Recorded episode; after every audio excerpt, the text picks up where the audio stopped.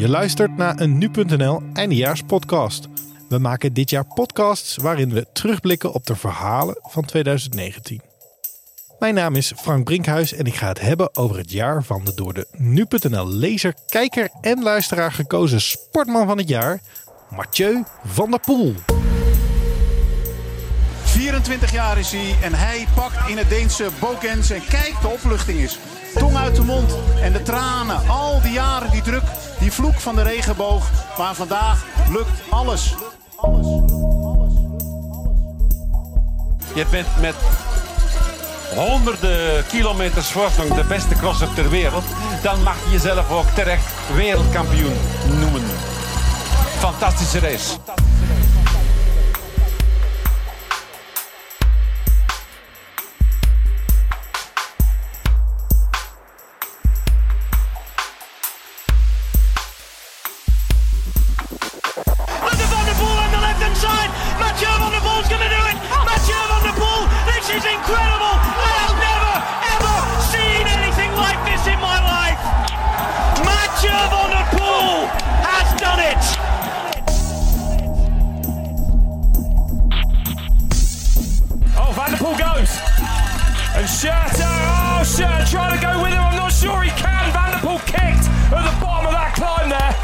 It looks like Mathieu van der Poel is gone. Matthew Van der Poel takes his first ever World Cup win. The first for a Dutchman since 2006. Ja, mijn beslissing staat al even vast hoor. Ik was er vrij snel uit, maar ja, het zal het week al weg worden. Ja. So it's now Pedersen, Kung, Moscon, Trentin, and Matthew Vanderpool. Nowhere, the race favorite is losing contact. Poel is aan het lossen, maar Nee toch. ja, Totale hongerklop.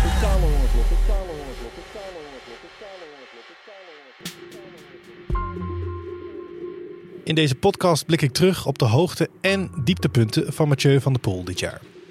Ik praat met onze nu.nl wielerverslaggever Daan de Ridder. Nee, dat high five heb ik natuurlijk niet gedaan als objectieve journalist. Hè? Amstel Gold Race organisator Leo van Vliet. Want ik hoorde speaker van de pool, van de pool, ja. Toen, toen wist ik het ook, ja. En met mountainbike commentator en oud-Olympisch kampioen Bart Brentjes. En als hij daarna met wegwielrennen zou gaan, wat toch wel steeds in de wandelgang eh, gezegd wordt. Ja, dat zou ik zelf ook wel eh, jammer vinden voor de sporttijd. Eerst gaan we naar de nu.nl podcaststudio, waar wielerverslaggever Daan de Ridder is aangeschoven. Daan volgt voor nu.nl het wielernieuws en is aanwezig bij grote evenementen zoals de Amstel Gold Race, de Tour de France en het Wereldkampioenschap. Hij sprak van der Poel afgelopen jaar meerdere keren. Ik vroeg Daan wat Mathieu van der Poel nou eigenlijk voor jongen is. Ja, dat is eh, niet een vraag waar je zomaar een antwoord op hebt. Tenminste, ik niet als je hem inderdaad een, heel jaar eh, af en toe en eh, op de weg wat vaker volgt. Want ja, het is best wel moeilijk om dat in één zin of zo te vangen. Maar hij, is, hij komt natuurlijk, zoals de meeste mensen waarschijnlijk ook wel van interviews kennen, over als nuchter. Wat ik zelf zo'n vervelend woord vind. Maar iemand die niet heel gauw van stuk te brengen is en, en redelijk eh, vlak qua emoties is. En dat bedoel ik dan niet negatief. Maar wat natuurlijk ook wel handig is als je je hele leven al bekend bent eigenlijk en heel veel van je verwacht wordt. Maar hij is natuurlijk ook opgegroeid in een eh, vrij unieke en ook wel beschermde omgeving. Met een vader die topwielrenner was. eh, moeder die de dochter was van een topwielrenner, Raymond Poulidor. eh jammer genoeg recent overleden. Ja, ehm, en, en, en, eh, hij begon daardoor natuurlijk al snel met wielrennen. Hij heeft overigens ook nog voetbal, nog gescout door Willem II. Maar ja, zij, tot eigenlijk dit jaar woonde hij ook bij, bij zijn ouders. En, en stond zijn leven dus ook voor een groot deel in het teken van ja, trainen. En dan kwam hij thuis en dan stond het eten klaar. En dan kon hij gamen, want hij houdt van, van Fortnite. dus een vrij simpel leven in die zin. Ja. Eh, is het dan ook een simpele jongen? nou ja, dat, volgens mij, eh, dat, dat heeft een beetje een negatieve klank natuurlijk. Dus ik weet niet, ik- niet simpel in de zin van dat hij niet intelligent is of zo. Dat is natuurlijk zeker niet waar. Ja. Alleen, eh, ik krijg niet het idee van hem dat hij, dat hij eh, thuis politieke programma van Labour of zo zit te lezen voor de Britse verkiezingen. Nee, Nee. in die zin. Maar het is ook zeker niet zo, en dat hebben we dit jaar natuurlijk ook een aantal keer gezien, dat hij een soort emotieloos wezen is of zo. Nee. Ik herinner me nog dat hij twee jaar geleden na het WK in eh, Luxemburg tranen met tuiten huilde. Jij was daarbij toch? Ja, eh, en eh, ja, dat was. in de meest troosteloze omgeving ben, geloof ik, in Luxemburg. het verhaal was dat hij daar zeven keer lekker reed, of hoeveel was het? Ja, het, het, het, het, het totale, Genoeg. het totale aantal moet ik, me, moet ik even schuldig blijven. Ja. Maar het was inderdaad zoiets. Dus inderdaad volledig buiten zijn eigen schuld om. In ieder geval dat gevoel had hij, had hij niet gewonnen. Ja. Eh, dat WK. En ja, eh, wat zal het geweest zijn? Een uur, anderhalf uur na de finish kwam hij nog eens de persruimte in. Want hij nog steeds rode ogen was hij eigenlijk nog steeds aan- het huilen. Dus het is niet zozeer dat hij, dat hij totaal eh eendimensionaal en, en emotieloos Nee. is. Maar eh, wel een duidelijke focus, laat ik het zo zeggen. Het is, eh, het, zijn leven draait om de fiets. Ja, maar het, het gekke daaraan vind ik dat hij, hij is helemaal, zijn leven draait om de fiets, maar je ziet hem zo af en toe op Instagram dan ook even een patatje eten. En dat zie je, dat zie je Tom Dumoulin niet doen of eh, Chris Froome. Dat, dat is ook weer een andere kant van hem, waar hij eigenlijk een beetje tegen de eh, gevestigde orde schopt. Nou ja, hij, hij houdt zich niet aan de wielenwetten. Maar goed, alleen het feit al dat hij natuurlijk drie eh, disciplines in het wielrennen combineert, houdt hij zich niet al aan de wielenwetten. En hij traint natuurlijk anders. En, en nou ja, jij noemt net Tom Dumoulin, maar die heeft dit jaar, was ik bij hem op Tenerife. En die heeft dan ook gezegd dat hij het wel interessant vond om, om te zien dat, dat hij zoveel succes kan hebben. Doen wij dan misschien wel iets verkeerd? Eigenlijk om terug te komen op je eerste vraag. Hij, gaat, hij is iemand die eh, heel erg zijn eigen gang gaat en dat dus ook prettig vindt. Om in ieder geval gewoon te kunnen doen wat hij wil. Om een goed beeld van het jaar van Mathieu van der Poel te krijgen, moeten we beginnen bij zijn veldritseizoen. Hij reed zijn eerste veldrit van 2019 op 1 januari in Baal. En hij won. Op 5 januari reed hij in Gulligem. En hij won. Op 6 januari reed hij in Brussel. En hij won. En zo kan ik nog wel even doorgaan. Van der Poel reed dit jaar 12 veldritten en hij won ze allemaal. Stuk voor stuk met een groot verschil. En het hoogtepunt, dat was het wereldkampioenschap in Denemarken. Je bent met honderden kilometers voorsprong de beste crosser ter wereld. Dan mag je jezelf ook terecht wereldkampioen noemen. Gewoon voor de gemoedsrust is het toch wel heel fijn om eh, nog eens wereldkampioen te zijn. Waarom was het WK zo'n belangrijke wedstrijd voor Van der Poel? Ik vraag het aan Daan.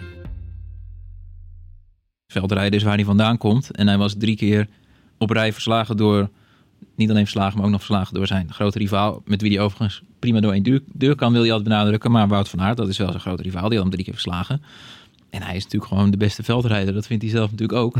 Eh, ja, hij verliest bijna nooit in het veldrijden. En dan steeds op het belangrijkste moment van het jaar verloor hij. Nou ja, dat is natuurlijk voor zo iemand die gewend is om te winnen, is dat natuurlijk heel erg moeilijk om, om mee om te gaan. Vandaar ook die tranen waar, waar de, Maar de druk stapelde zich ook op. Hè? Want het was natuurlijk het verhaal, hij wint toch wel, maar wint hij het WK? Ja, en daarom viel het mij ook wel op dat hij eh, na, na die winst zei... er valt nu een last van mijn schouders. Omdat je altijd het gevoel hebt dat hij is zo gewend om favoriet te zijn. Zeker in het veldrijden. Hè?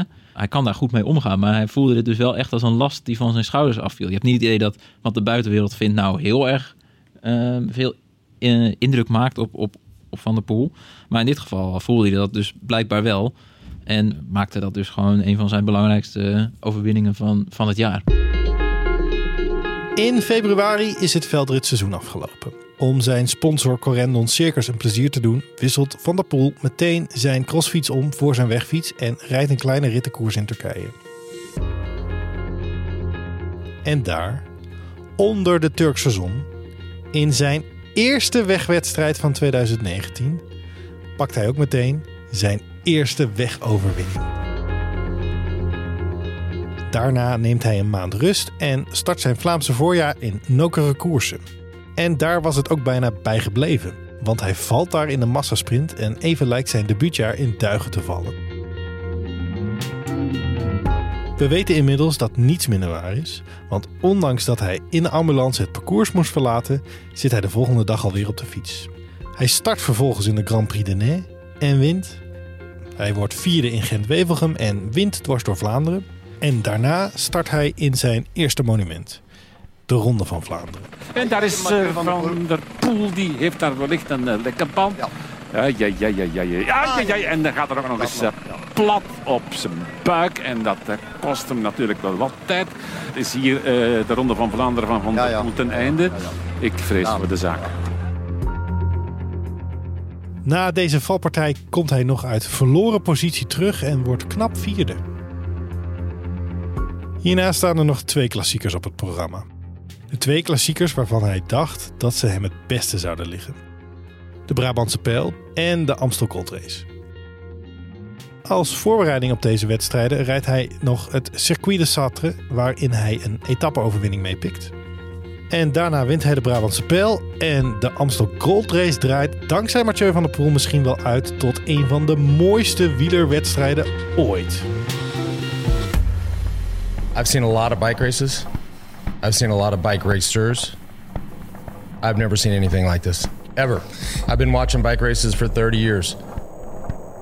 At this level, at the top level of this sport, at a race as hard as this, to see what Matthew Vanderpool did, I, I, I, I'm, I'm, I'm, listen to me. I know. I'm fucking stuck. I'm speechless. Was getekend Lance Armstrong. Van der Poel reed dit voorjaar 11 wegwedstrijden. Daarin eindigde hij 8 keer in de top 5 en pakte hij 5 keer de winst. Maar eerst even een stapje terug. Want vooraf aan het wegseizoen werd er al veel gespeculeerd over de kansen van Van der Poel. Ik vroeg aan Daan wat die verwachtingen waren.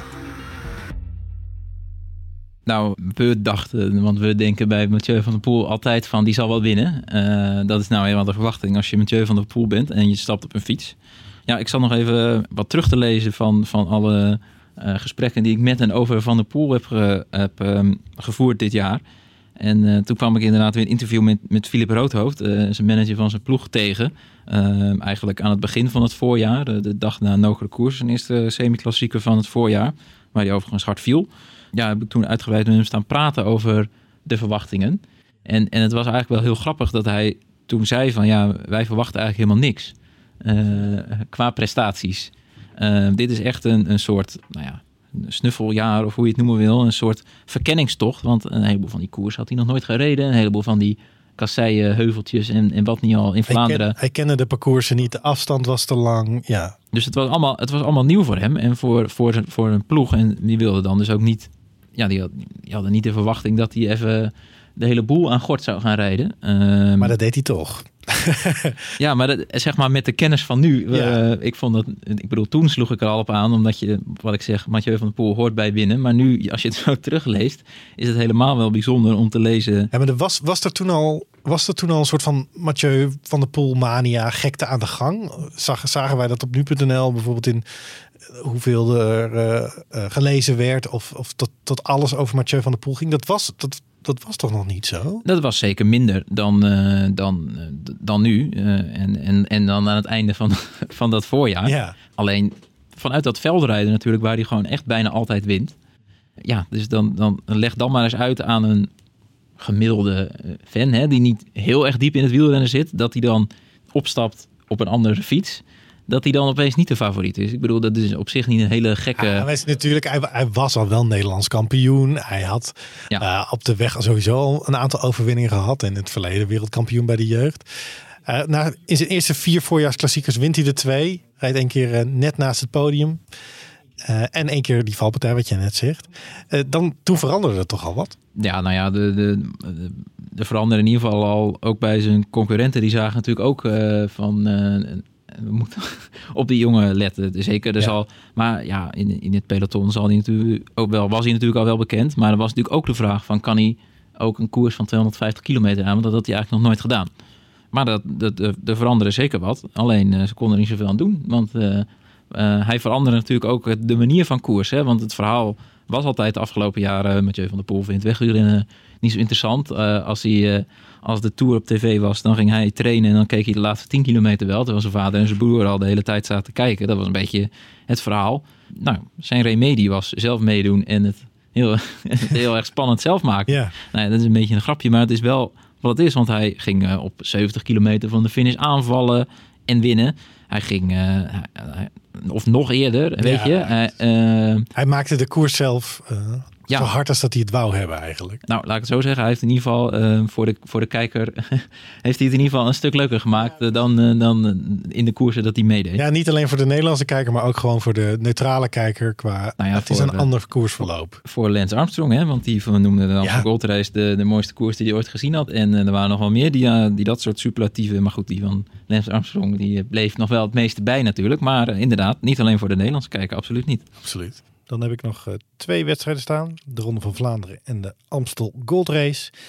Eh, want hij sloeg namelijk eh, Parijs-Roubaix over. En daar was iedereen ook wel een beetje rauwig om. Hij wil namelijk ook nog wat, hè, dat is ook wel typisch Mathieu van der Poel. Hij wil ook nog wat overhouden voor andere momenten. hij wil ja, niet alles, ja. hij wil niet alles in één, in één keer doen. Ik bedoel, dan heeft hij nog iets om, ja, een soort.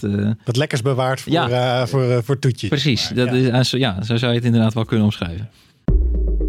Laten we nog even inzoomen op de Amstel Gold Race.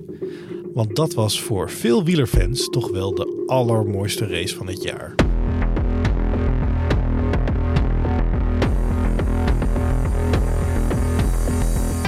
Eh, Mathieu van der Poel doet alles wat hij kan om op zijn beurt ook nog eh, helemaal vooraan het eh, front te verschijnen. En op 400 meter kan hier nog veel. Het slaat hier plots helemaal om. This one is to come down to a sprint. Dan gaat hij sprinten. Mathieu van der Poel komt eraan. Van der Poel! Van der Poel goes! En hij komt erbij. Mathieu van der Poel komt erbij. Alaphilippe on the right. Van der Poel on the left. Mathieu van der Poel aan de linkerkant van de weg. Van der Poel, Van der Poel, Van der Poel, Van der Poel, pero ¿qué estás haciendo, niño? Van der Poel met Alaphilippe. Mathieu van der Poel. Maar kijk dat- En hij gaat gewoon de Amstel Gold Race winnen. Hoe is het mogelijk? Can you believe it? Well, he doesn't Het is toch niet waar, het is wel waar. Het is van de Poel die de Amstel Gold Race wint. Vanuit een verloren positie Oh, op mannetjes, en over God en. Klein Pirke. Daan, ik zat eh, thuis voor de televisie te kijken. Eerst zat ik op de stoel, toen zat ik op het voetenbankje. Toen stond ik de high-fiven met mijn broer. Waar was jij eh, toen dit allemaal gebeurde? Nou, ja, dat high five heb ik natuurlijk niet gedaan als objectieve journalist. Hè? Nee, maar ehm, ehm, ja, Ik kijk, was thuis, hè? ik mag dat. Ehm, eh, bij de koers eh, aan de la- in de finale probeer je altijd zo dicht mogelijk bij de finish te staan. Maar dat je al wel een, een weg ziet naar, richting de bussen die na de finish staan. En waar je de interviews later moet gaan doen. Dus in de Amsterdam Gold Race is dat dan, sta je eigenlijk... Nou ja, we stonden eigenlijk als een soort... met de journalisten meestal in een hok tussen hekken ingeklemd naast de verzorgers. 100, 150 kilometer na de finish. En dan kijk je op een tv? Of? Nou, er hingen daar, omdat daar ook eh, de VIP-sectie zit daar vlakbij en de fans kunnen er ook staan. Dus er hingen grote schermen en daar konden we zo op kijken. Alleen, eh, nou ja, het internet wordt er niet heel veel beter van. Dus het was niet heel makkelijk te zien. En sowieso, hè, dat had niet zoveel uitgemaakt. Want niemand wist eigenlijk precies wat de koerssituatie is. Van de Pool had zelf ook geen idee. Niemand kon vertellen hoe de situatie dichtbij was die zat. in de laatste 10, 15 kilometer. Hè. Eh, het was ook niet echt in beeld. Tenminste, ik heb het in ieder geval op dat grote scherm niet echt gezien ehm, eh, hoe groot het gat was en, en, en wie ervoor zat. Dus het was.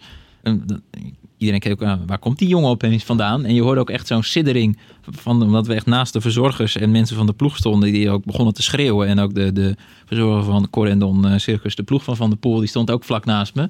En nou, dat, dat, er werd gewoon, het was echt een- heel veel geluid opeens om je heen. Dus allemaal kijken naar dat scherm. En dan, nou ja, hij wint die sprint eh, zoals eh, iedere wielerliefhebber gezien heeft. En dan is het eh, in dit geval toch maar weer zo snel mogelijk richting de finish lopen. Omdat Van der Poel... eh, Stond, nou jij, ja, dat- jij bij dat groepje dat Nou- om hem heen stond terwijl hij daar op de grond lag te gillen van eh, verbazing was het eigenlijk? Er was een soort eh, haag gevormd van journalisten en eh, om een liggende Van der Poel. En daar zijn natuurlijk hele mooie foto's van gemaakt en ook hele mooie beelden van gemaakt. En ik als schrijvende journalist met name dacht, vind het dan wel zo netjes om niet mijn eh, eh, video en eh, fotografen in de weg te zitten. Ja, logisch. dus ik stond een beetje op de tweede rij, laat ik het Ja. zo zeggen. Dus ik kon niet echt Van der Poel zien liggen. Maar ehm, ehm, ja, je kon wel de, de knuffel van Van Vliet natuurlijk op, of met Leo van Vliet, de Ja. koersdirecteur. eh, ja, daar stond je dan met je neus bovenop en dan wordt hij op een gegeven moment weer weggeleid. Eh, en dan ga je maar weer wat anders doen. Maar ja, dat was natuurlijk wel, eh, het was wel, het was een Tour de France-achtige eh, bijeenkomst qua drukte. Dat was wel redelijk bizar. Daan noemde hem net al even. De man die Van der Poel als eerste om de nek viel was koersdirecteur van de Amstel Gold Race Leo van Vliet. Hij nodigde de ploeg van Van der Poel, Corendon Circus, maanden voor de wedstrijd al uit. Ik belde met Leo om te vragen hoe dat ging. Kijkt eigenlijk een beetje naar, wij kijken een beetje naar de Belgische ploegen. En, uh, de Belgische organisatoren kijken een beetje naar Nederlandse ploegen die geen, uh, geen World Tour zijn. Ja. En je kijkt een beetje wat, ja, wat waar een beetje interessante renners zitten. Hè? Als, als Terpstra bijvoorbeeld in het buitenland rijdt. Of, of ja, dat je de Nederlanders ook een beetje in de gaten houdt. En ja, en dan, uh, ja, dan komt dat verhaal uh, dat Van de Poel ook op de weg gaat rijden. En, uh, echt een voorjaarsklassieker seizoen. Waar eigenlijk iedereen op zit te wachten. En, en hij won natuurlijk ook al wedstrijden. Ja, ja Nederlands kampioen was die. Ja. ja, Nederlands kampioen. Dat was natuurlijk ook een mooie wedstrijd. En, ja, en hij wil natuurlijk ondertussen natuurlijk ook wel eens even weten... wat kan ik nou in die echte wedstrijden. ja, maar stel je dan bijvoorbeeld als eis dat hij meedoet aan die wedstrijd? Uh, als hij gezond nou is bijvoorbeeld? Je, kijk, als zij zeggen natuurlijk... Uh, we willen een wildcard. Of zij geven zich bij spreken bij, bij Cycling Service aan van... joh, kunnen wij een wildcard krijgen daar? Nou, mm -hmm. En zij snappen ook wel dat je het het liefst hebt met... Uh... Maar het is niet dan direct contact tussen jou en, uh, en de ploeg? Ja, nou toen heb ik wel contact gehad met... Uh, dan, dan, ja, weet je, in dit geval, met Van der Poel was gewoon een apart geval. Dan mm -hmm. wil je nog wel even contact hebben met die, met die manager van het team. En ja, die kende ik wel van namen verder niet. Dus we hebben met elkaar gebeld na aanleiding dat de contacten gelegd waren. Mm -hmm. En uh, nou ja, ik zeg, we kunnen er voor allebei natuurlijk best iets moois uithalen. Hè? Want het is goede publiciteit dat Van de Poel rijdt. En uh, dat is goed voor, voor zijn sponsors en dat is goed voor onze wedstrijd. Ja. En ja, op een of andere manier heb je ook wel een gevoel dat er iets, iets, iets, iets ja. ja, iedereen is nieuwsgierig wat Van de Poel doet. Dat Nederlands kampioenschap, je haalde net aan, was natuurlijk een bijzonder... Uh, ja, daar reed hij ook overal dwars doorheen. Het is natuurlijk een bijzondere renner. Ja, want welk moment is het dat jij dat die wildcard gaf? Welke ja, dat was maand? een beetje rond... De, nou ja, dat ik ongeveer... Nou ja, in de publiciteit deed dat het misschien een maand later of zo. Ja. Maar het was rond deze tijd, zeg maar begin december. Oh, oké. Okay. 2018, ja. Um, ja, want op de dag zelf, hoe, hoe is dat voor jou dan? Uh, je, je, nou ja, begon natuurlijk in de week ervoor al. Hij wint, hij wint de Brabantse pijl natuurlijk op woensdag. En dan ja, dan zegt iedereen van ja, maar het is, hij rijdt gewoon elke koers erin. Het is, en, en, en de koers waar hij eigenlijk op, op focust, dat is zaterdag, zondag. Nou ja, en dan. Ja, dan maar sta jij, sta jij dan ook op met, nou ja, kriebels is misschien te veel, maar met een gevoel in je buik van, nou, er zou nou eindelijk wel weer eens een keer een Nederlander kunnen gaan winnen? Nou ja, dat, dat wordt eigenlijk, daar heeft iedereen het over. En, en, en, en weet je, het is, hij rijdt ook renners naar huis toe die gewoon echt topniveau zijn. Mhm. Ik weet zelf ook niet meer of ik hem nou nog gezien heb bij de start. Want ja, dan, dan had ik een nieuwe start. Dus ik ben let op een heleboel dingen dan. En, mm -hmm. en als, die eenmaal, als we eenmaal daar zijn, dan wil ik ook zo snel mogelijk gaan rijden. Want dan ben je een heel jaar bezig geweest en dan wil je gewoon de koers zien. Maar toen die te vroeg aanviel, hoe krijg je dat dan mee? Of ja, te vroeg, dan, maar ja. dan, toen dacht ik bij mij, ja, weet je, ik heb nog nooit iemand van de top daar zien aanvallen. Omdat de, de ervaren renners, die weten gewoon dat daarna heb je gewoon een stuk wat brede weg. Mm -hmm. Een weg van misschien wel 10 meter breed. En ja. ja, precies. Ja, ja, ja. En toen hebben we Van de Poel eigenlijk een hele tijd niet meer gezien. Of, of, of ja, en dan komt hij in de finale terug. En, ja, ja maar toen, kwam, de, toen kwam hij op stoom. Maar je, je, kijk, dat is het verhaal van de wedstrijd. Maar hoe zat jij daar dan? Je, je, je, nou, zit er natuurlijk ik, middenin. Ik, ik heb zeg maar bijna een uur achter uh, Alain Philippe en uh, Vogelsang gereden. Ja. En uh, ja, ik denk, ja, dat zijn de nummers 1 en 2. En welke kilometer ongeveer dacht je van, oké, okay, nu, nu gaat het misschien toch nog veranderen? Was dat bijvoorbeeld de aanval van Kwiatkowski? Of? Ik heb toevallig vanmiddag al uh, tijden nog eens doorgenomen hoe dat nou zat. En ja, het is extreem. Van der Poel zat gewoon 1 minuut 5 achter op 3 kilometer. Nee, maar toen heb ik ook nog even het gemiddelde uitgerekend. Uh, zij reden, even kijken, Van de Poel die reed 45 gemiddeld. En die andere reed 36 gemiddeld in de laatste 3 kilometer. Ja, ja. Ze stonden eigenlijk gewoon stil. Hè? Dat is, dat... Ja, dan gaat het wel hard natuurlijk. Ja, hij reed heel hard, maar zij reden gewoon bijna niet. Ja, nou de laatste uh, kilometer, toen zijn ze echt elkaar aan. Daarvoor hebben ze best wel gereden, want ik reed erachter. Mm -hmm. Maar ja, en hoe Van der Poel dat in zijn eentje eigenlijk deed, dat was het. En, en gaat sprinten en er kon er nog één in zijn wiel blijven. En hoe, hoe volg jij die sprint dan? Want je zit er natuurlijk wel net achter. Ja, ik dus je ziet het maar niet. ik hoorde het ook via een microfonist. En ik, ik zat uit de auto, dus ik kon er wel een beetje in de verte. En ik zie dat lichaam omhoog. En ik hoor de speaker van de pool, van de pool. Ja, toen, toen wist ik het ook. Ja. ja, toen wist je het ook niet meer. Ja, ja, precies. En dan, want uh, uh, mooi moment, maar ook, ook misschien wel een beetje opvallend moment, is dat hij, jij bent eigenlijk de eerste die hem een knuffel geeft uh, nadat hij nou, op, ja, hij op, op de grond. ja, en, precies. En, en, En hij kwam uh, naar boven, ja, ik was natuurlijk ook blij. En, weet je, maar de, hele wereld was volgens mij blij, bleek achteraf. Het was zo een extreme uh, beweging. En het, komt ook, je bent natuurlijk de hele week word je ermee geconfronteerd, of je nou wil of niet. Van ja, hij is favoriet. En wat vind je ervan? En wat denk je? Denk, ja, zo simpel is het ook weer niet. Hè? En, uh, ja, en dan, ja, dan gebeurt het. Dus iedereen is blij. Ja, ik, nou ja, ik was ook blij. En, ja, ik was een van de eerste die, die hem dan. Ja, er waren wel meer die feliciteerden, maar ja. Het was niet, niet ongepast in jouw ogen dat je, dat, je, dat je me knuffel gaf. Het was gewoon... Nou, voor mij, voor mij niet. Want kijk, ik ben ook blij voor de wedstrijd. En dat het dan in Nederland was. Ik was ook blij met die twee die voorop waren. En ik was ook blij dat die koers natuurlijk open was gegaan al. op zeg maar meer dan 40 kilometer, rond de 40 kilometer. Ja, ja, precies. Want uiteindelijk wil je een mooie koers als organisator. Want daar ben je het hele, hele jaar voor aan het werk. En wil je, je koers wil je een bepaalde status laten houden. En, en er gaat bijna geen dag voor, voorbij dat er niet iemand je erop aanspreekt. Of dat er over gesproken wordt. Of dat je het op Facebook of internet of op televisie. Of, ja, want het, ja, die Van de Poel is ook gewoon nog een beetje doorgegaan voor de zomer. Daar op 21 april lijkt het wegseizoen van Van der Poel ten einde. Hij gaat mountainbiken en dat is niet zo heel populair in Nederland. Dus ik kan me voorstellen dat veel mensen hem even uit het oog verloren. Daan de Ridder legt uit waarom Van der Poel op de mountainbike stapt.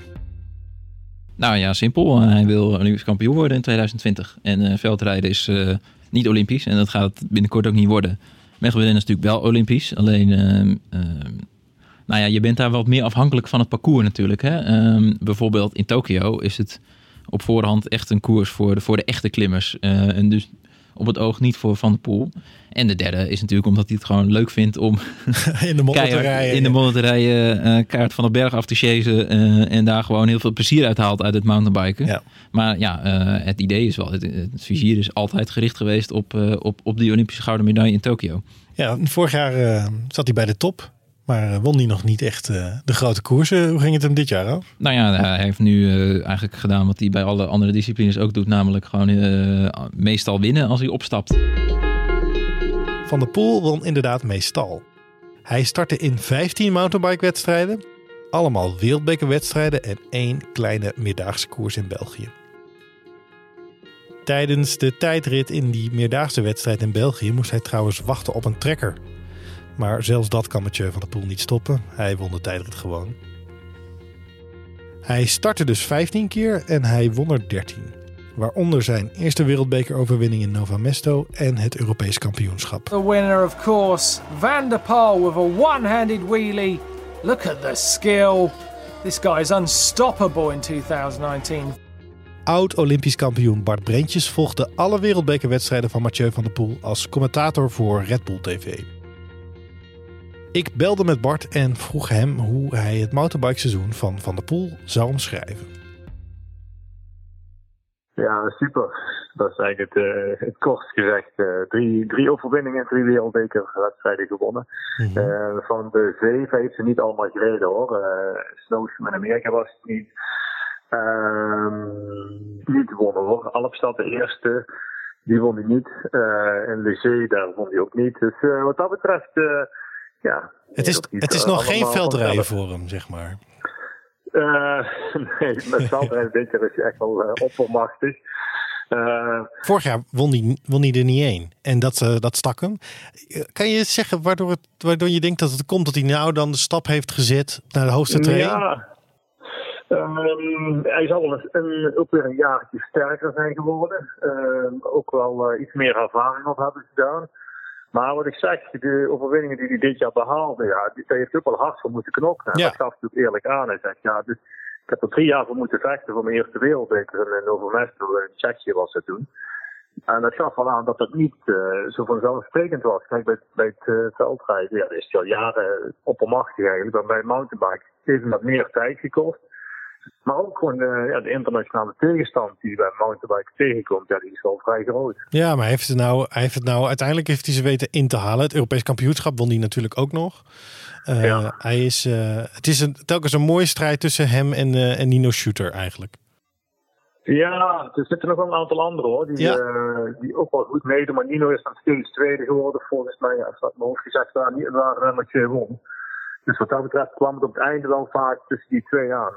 Maar ehm, ja, er zijn wel meer parcoursen, wel ook andere, ja, zoals uh, Matthias Vliekego, die dan de eerste World Cup won, uh, ja, van zich liet spreken. Dat, dus um, ja, wat ik zeg, de, de, de tegenstand bij het mountainbiken is wel iets internationaler dan bij het veldrijden. Ja, ja, precies. Um, hoe kijkt de tegenstand eigenlijk naar Mathieu van der Poel? Want hij, het is nog wel een nieuweling binnen het mountainbike wereldje. Wordt hij met open armen Ja. ontvangen? Of? Uh, ja, ik denk dat het heel mooi vinden dat hij nu doet. Hij trekt toch alweer wat meer publiciteit naar zich toe. Um, ja, ze vinden het soms jammer dat hij niet overal aanwezig is. Bijvoorbeeld een WK mountainbike had je wel graag in de stad gezien. Ja. Of uh, ook ja, bij de finale wereldbeker, die kom je dan ja, wel kunnen maken. Maar ja, dan kies je toch van allemaal programma. Je kiest voor het wegwielrennen. Um, en ook weer een stukje voorbereiding naar het uh, veldrijden toe. Bijvoorbeeld testevent in Tokio heeft hij niet gedaan. Ja, dat vinden ze soms toch wel jammer. Ja. En, ja als ik persoonlijk mag spreken, stel uh, hij doet het heel goed op de Olympische Spelen volgend jaar. Stel hij wint dus, uh, misschien wel goud. En als hij daarna met wegwielrennen zou gaan, wat toch wel steeds in de wandelgang gezegd wordt. Ja. Ja, dat zou ik zelf ook wel jammer vinden voor de sport eigenlijk. Maar, maar ja, als dat zijn keuze is, dan moet je dat wel respecteren. Op 11 augustus in Lenzerheide rijdt Van der Poel zijn laatste mountainbike race van het jaar. Hij kiest ervoor om niet mee te doen aan het WK mountainbiken, maar na een korte vakantie stapt hij weer op de wegfiets. Hij heeft nog maar één doel: het WK in Yorkshire. In de korte aanloop naar het WK weet hij nog vijf keer te winnen en hij start in Yorkshire als de grote favoriet. Daan de Ridder was er weer bij en hij vertelt wat er anders was in Engeland. Nou ja, het resultaat was eigenlijk anders. Hè? En, uh, ook hier kwam er even een siddering, alleen vanwege het weer. Want het was werkelijk het beste weer natuurlijk. Uh, niet het zonnetje van de ja. Amstel Gold Race, maar het beste weer van Yorkshire. Uh, nog nooit zoiets gezien tijdens een wielerkoers. Ehm, stonden we in een tentje met een aantal andere journalisten te kijken. Geen publiek eromheen, maar daar kwam ook een lichte siddering weer. Op het moment dat uh, Van der Poel op, uh, wat was het, 20, 25 kilometer van de finish opeens loste. Je denkt, uh, heeft hij last, heeft hij een mechanisch probleem, een lekke band? Ja. Maar al gauw zag je dat het niet het geval was. Dat hij gewoon ja, ouderwets gelost was. En, uh, en daarna uh, heeft hij nog, want hij wilde zijn eerste WK toch wel uitrijden. Wij, ja. we, on, we, we, waren al aan het bedenken van, want het hotel van, uh, van de Nederlandse ploeg lag ongeveer anderhalf kilometer voor de, voor de finish. Dus wij zaten al te denken van waar moeten we nou naartoe? Want we moeten natuurlijk Mathieu van der Poel spreken. Ja, waar gaat hij? Nou, hij zal toch wel afstappen zo. Dus de kans is best groot dat hij misschien een auto opzoekt. Uh, en dat hij dan lekker naar het hotel gereden wordt. Maar dan staan wij hier nu bij de finish. Uh, maar nou, dan is dit hij zo anderhalve kilometer verderop. Dus, dus we waren al eigenlijk, we hadden we al besloten en een deel was al gegaan van, van mijn collega's om naar dat hotel. Rennen over heggetjes in de regen. maar wat bleek, ze waren daar bijna aangekomen en ik was nog een beetje in dubio wat ik ging doen. Ja. En toen kwam op, zagen ze opeens Van der Poel langs rijden nog. En uh, een kwartier na de winnaar, of twintig minuten na de winnaar. Want Mathieu van der Poel, die moest en die zou, of die wilde... Ja, ik was hier nu toch bij mijn eerste WK. Het is wel leuk om het even uit te rijden. Dat is toch raar? Dus die heeft hem er gewoon nog netjes uitgereden. Is overigens niet door de mixzone gekomen. Dat heeft hem dan wel bespaard. Maar we zijn toen, hij is toen naar de, naar, de, naar de bus gegaan die dan weer 500 meter de andere kant op stond. Dat hoorden we op een gegeven moment door. Dus daar zijn we toen naartoe gerend. En uh, zoals altijd, hè, want dat moet je wel nageven, wat er ook gebeurt. Uh, hij praat altijd met de media. Uh, dus ook nu moesten we even wachten tot hij het weer een beetje warm had en gedoucht had. misschien niet in die volgorde, maar, en, maar daar kwam hij naar buiten en deed hij zeer kalm zijn verhaal. zijn verklaring daarvoor was, nou ja, ik heb al 20 kilometer de tijd gehad om erover na te denken. dus hij was inmiddels redelijk rustig. En, uh, maar het was, het was wel opmerkelijk, want eigenlijk iedereen die het wielrennen wel een beetje volgt, die ziet het gebeuren. Iemand staat opeens stil, hongerklop. Kan eigenlijk niet anders. Het ja. was geen me mechanisch defect. Het moest een hongerklop zijn. En hij staat daar en hij, en hij staat gewoon, nee, uh, uh, standvastig te beweren. Ik heb gewoon genoeg gegeten. Het is geen hongerklop. Ja. Wat sta je er dan dus als journalist met elkaar? Sta je elkaar dan aan te kijken van hoe kan dit? Waarvoor zegt die? Uh... Nou ja, je gaat dan later nog wel even checken bij, uh, bij, bij de bondscoach Boerenhout hoe die erover nadenkt. Ja. Of hoe die, hoe die erover denkt. Maar ja, uh, als hij, ja, ik bedoel, ik, het, ja, je, leek, het hij... leek op een hongerklop. Maar ja, als hij zelf het gevoel heeft van niet, dan schrijf je netjes op dat hij zelf het gevoel heeft van niet. Alleen de, de nuance hierbij is dat hij een aantal dagen later in een interview wel min of meer erkend heeft, een aantal dagen na het WK erkend heeft dat, dat het waarschijnlijk toch wel gewoon een hongerklop was. Maar daar wil ik dan de tweede nuance bij aanbrengen dat het niet zo gek is. Want wat ik daar allemaal gezien heb in die mixzone van, uh, van, van, van het WK, dat was niet normaal, weet je wel. Gewoon die, die, de beste wielrenners ter wereld, die kwamen daar als, als uh, ijslollies, kwamen daar langs, ja. bibberend. Uh, Mathieu van der Poel was echt niet de enige die daar problemen mee had. En die misschien daardoor, door wat dan ook... Hij reed wel op kop. Precies, die, die, die, die niet genoeg gegeten had of gedronken had. Want je moet eigenlijk nog meer omdat je natuurlijk uh, ja. je, je, warm moet worden. Ja, want ze tellen ook wat ze eten. Hè? En dan, ja. dan denk je dat je genoeg geteld hebt, maar had je eigenlijk nog meer moeten hebben misschien. Uh, het was natuurlijk zo'n bijzondere situatie dat je eigenlijk nog meer dan je inderdaad verwacht. Uh, dus zo gek is het niet dat, dat hij misschien te weinig had genomen. En dat was wel de makkelijkste conclusie en waarschijnlijk ook de juiste. Alleen hij had direct na de finish en misschien nog steeds wel het gevoel dat hij niet echt een fout gemaakt had. Want ja, ja blijkbaar kon hij, misschien kon hij ook niet meer eten dan dat hij gedaan heeft. Hè? Dat, dat, houdt op een gegeven moment, zit daar ook een grens aan. En dan zou je het nog een les kunnen noemen voor de volgende keer. Aan de andere kant is de kans vrij klein. Tot het nog zo Dat, dat, dat het nog een keer zo'n uh, zo'n wegrit was. Uh, ja. ja. ook uh, Mathieu van der Poel kan gewoon menselijk zijn. Na het WK past Van der Poel zijn programma aan en laat het Olympisch testevenement in Tokio schieten en rijdt een paar extra wegwedstrijden in het belang van zijn ploeg. En in november stapt hij weer op de veldritfiets en gaat hij verder met waar hij in januari ook al mee bezig was. Namelijk bijna alle veldritten winnen. De teller staat op het moment van publiceren van deze podcast op 12 overwinningen uit 13 wedstrijden. Dan 2020. Wat mogen we van hem verwachten? Daan heeft al een behoorlijk goed idee van hoe het programma van Van der Poel eruit gaat zien volgend jaar.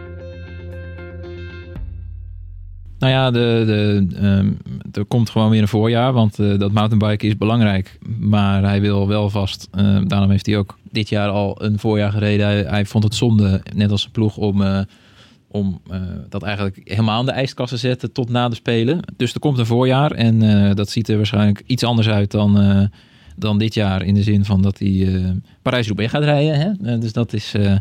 Dat Zijn toetje, Martine. Dus, uh, en uh, nou ja, verder Ronde van Vlaanderen, was van Vlaanderen, Gent-Wevelgem, dat uh, Brabantse Pijl, dat is allemaal waarschijnlijk, hè, dit is allemaal nog even afwachten, maar die koersen staan weer op, op het programma. Nou gaat hij, hoopt hij te beginnen met een Italiaans blok, met ook Tirreno en uiteindelijk Milaan Sanremo. Alleen moet daar nog even, omdat uh, of even, maar Corendon Circus is pro-continentaal. Ja. Dus krijgt niet uh, standaard, zoals bijvoorbeeld Jumbo-Visma's Wildtourploeg, entree tot alle grote Wildtourkoersen, zoals Milaan Sanremo de RCS, uh, de, de organisator van de Giro en ook Milan Sanremo, die uh, zal inmiddels ook wel weten wie, uh, wie Mathieu van der Poel is.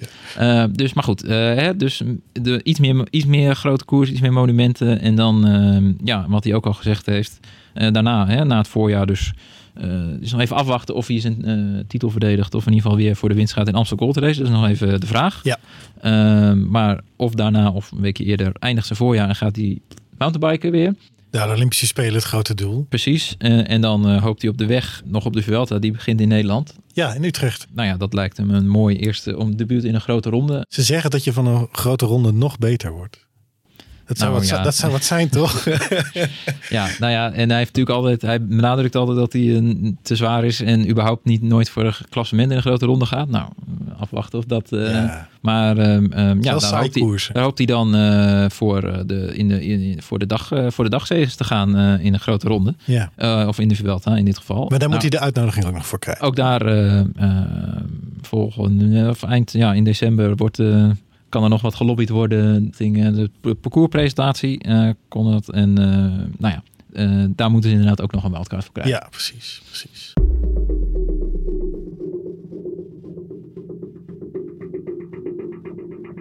Ik vroeg aan Bart Brentjes en aan Leo van Vliet wat zij verwachten van Van de Poel in 2020.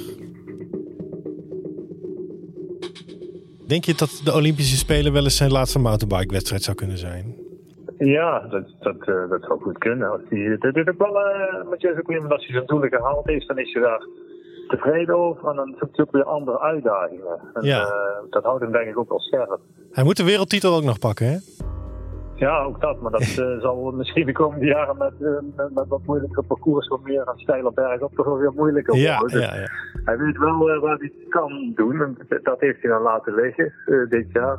Want dat parcours, is dat parcours, want je zegt een steilere klimmen, dan, dan is het lastiger voor hem. Is het parcours van Tokio echt geschikt voor zijn kwaliteiten? Ja, dat kan hij wel. Het is niet heel lang klimmen. Is heel veel draaien en keren. Dat zie je in het veldrijden ook. Uh, veel accelereren vanuit te weinig snelheid. Dus dat, dat kan hij ook heel goed. Uh, een beetje off-camber stuk is het er. Met zo'n schuine zijkant, wat je in het veldrijden ook vaak ziet. Nou, ik denk dat de hitte en de luchtvochtigheid, dat soort dingen kunnen misschien wel zijn grootste tegenstander worden. Maar uh, als het qua parcours bekijken naar de tegenstanders, die kent hij dan ook wel. Ja, dan is hij wel een van de hoge toren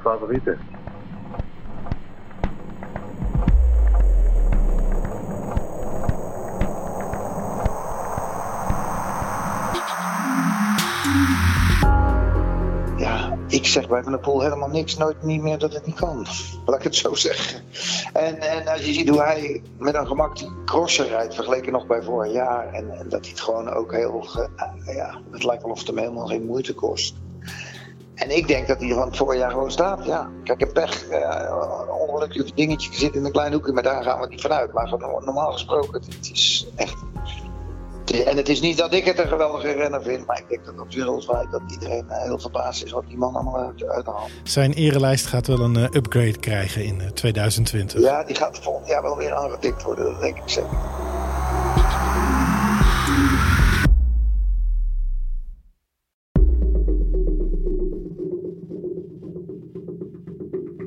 Deze podcast werd je aangeboden door nu.nl.